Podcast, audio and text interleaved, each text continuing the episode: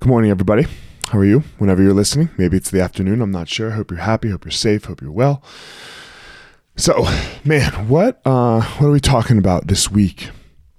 Uh, I want to talk about competition and and how great it is, and how the levels don't matter for me anyway. And and then we'll go from there. So first of all, this weekend I got to go to uh, the first ever all female Fight to Win Pro with two of my students.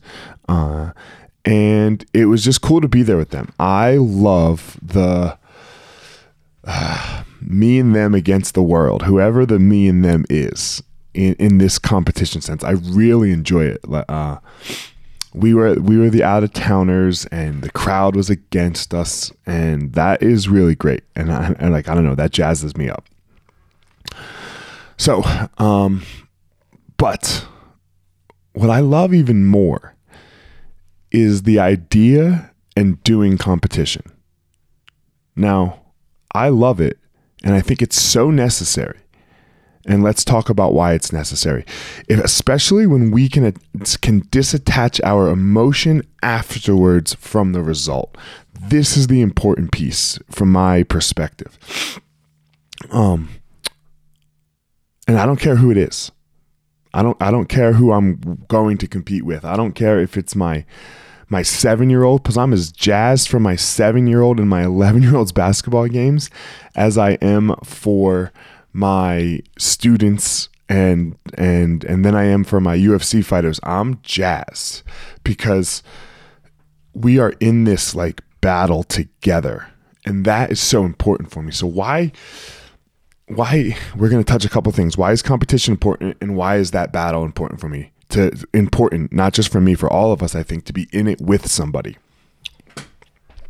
First, the competition. It makes you better it puts pressure on you. And inside of pressure, you will find power. There, there is no power without pressure. You have to put yourself in the fucking fire. That that is what the gospel of fire is. That is what this whole point is. Yes, it's to be happy and live a great life and all those things, but I really truly believe that without purpose and without pressure, then you will find no power you know you will find no power. So you know oh man look here's a, here's an equation. P plus p p plus p plus p equals p.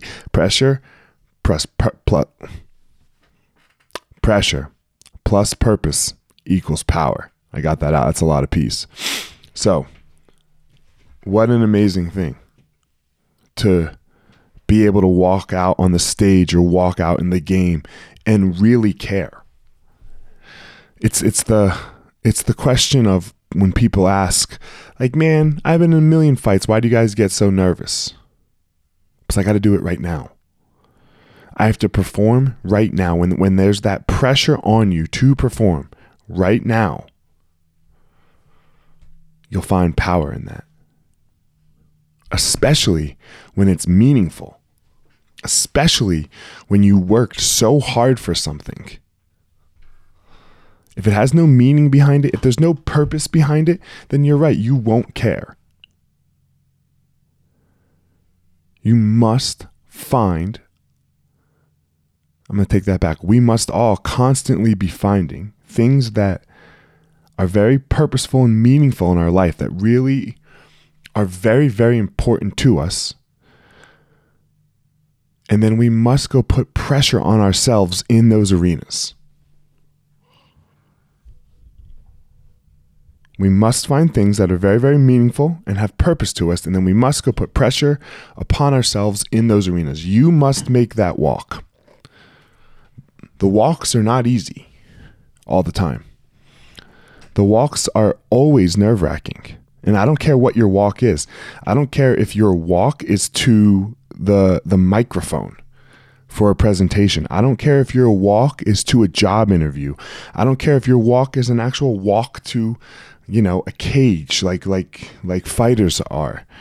It, the, the walk itself has no meaning of what that actual walk is but you must go walk and you must go enter and it must be difficult and you must be competing. We must be competing against at least ourselves. We have to.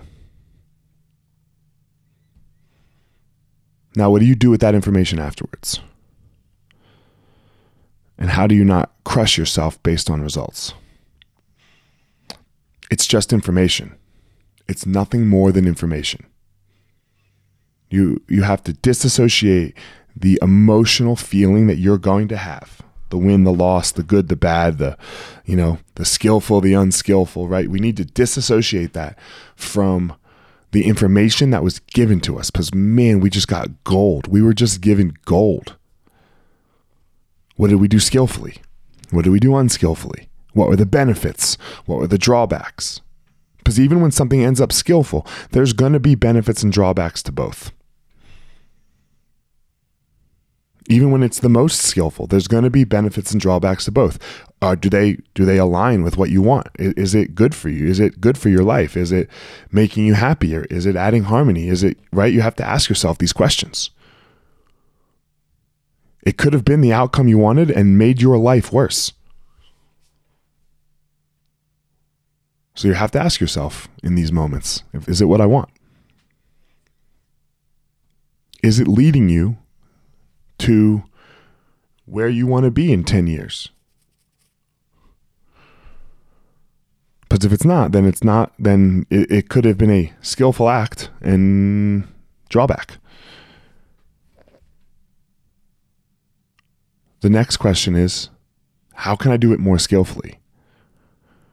What are the things that I can do more skillfully the next time? And then go work on them. Nobody's perfect. Nobody does anything perfectly. Even the fights that I've had in my life that have gone so amazingly, let's say, they're not perfect. There's no perfection to them. How could I have been more skillful? So what are the things that I didn't do so well? Can I fix them? Can I address them? But we have to we have to talk about them and admit them first. so that we can now go back in the gym, go back in the boardroom, go back with our team, and do it more skillfully. Let's talk about this last piece here the togetherness. There's no such thing as a self made man. There's no such thing as a self made woman. It doesn't exist. The people that you involve, that you're super close with, man, makes it even sweeter. I love making the walk with people. I get it. My walk is very often a walk to a fight. I love that walk. I love that walk with, with the people that I'm really invested in. I love walking into the gym with my seven and my 11 year old and watching them ball because they work really hard at it and they really love it, and I get to be a piece of it with them. How do we be more skillful? How do we make skillful humans? How do we make skillful basketball players in my kid sense? How do I make a skillful fighter? How do I add to that piece? How can I be part of the team? The team, the team, the team. The team is so important. There's no I, there's no me. It's all we. We are in this together. if I do something, then I will fail and I will be left alone at some point. That's not how humans survive. We are a tribal people. We take care of each other. And that's the most special part about competition. When I think about all of my competitions, when I think about everything, very, very rarely of any of the stories that I have regarding winning, losing, very rarely are they about the the actual competition. They're about the experiences that I had. I'm going to share one with you right now. I was in Brazil and it was just me and my wife. And I was competing at the World Championships. And my favorite part of the whole trip was I had to do the absolute division. The absolute division is is no weight category, right? So anybody can enter as long as you're the same belt. Was brown belt. Okay, I'm entering that tournament. I entered the absolute. The absolute was first on Friday or something. I don't remember which day, Friday or Saturday, um, but it was one of those days. It was first, and I go against this guy, and man, I get stuck in a position with him, and then he wins. And he's really good at making this position happen all night. And I know now he's also in my weight division. And I know now that he's going to make the same thing happen right away. It's going to be real boring. So I'm up all night because, man, I flew all the way across the world to Brazil. I'm trying to be a world champion. And I'm up all night thinking about, man, what am I going to do? What am I going to do? It's like three in the morning. And I wake my wife up. I'm like, baby, baby, I got it.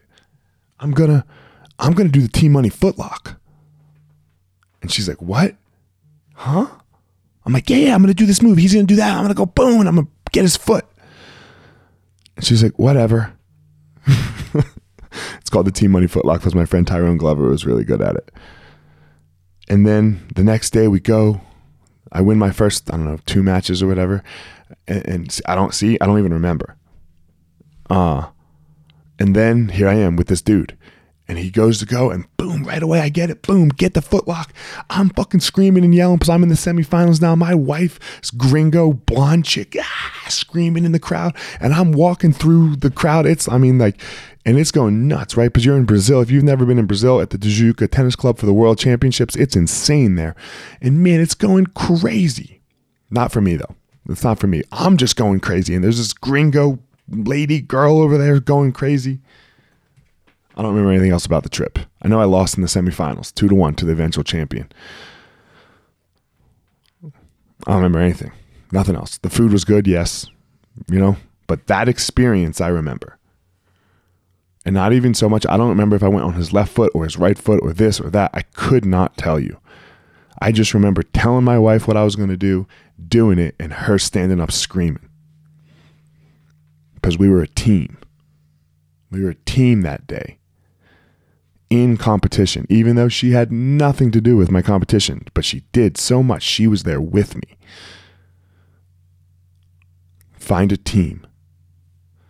Find a group of people that you really, really care about. Find some purpose.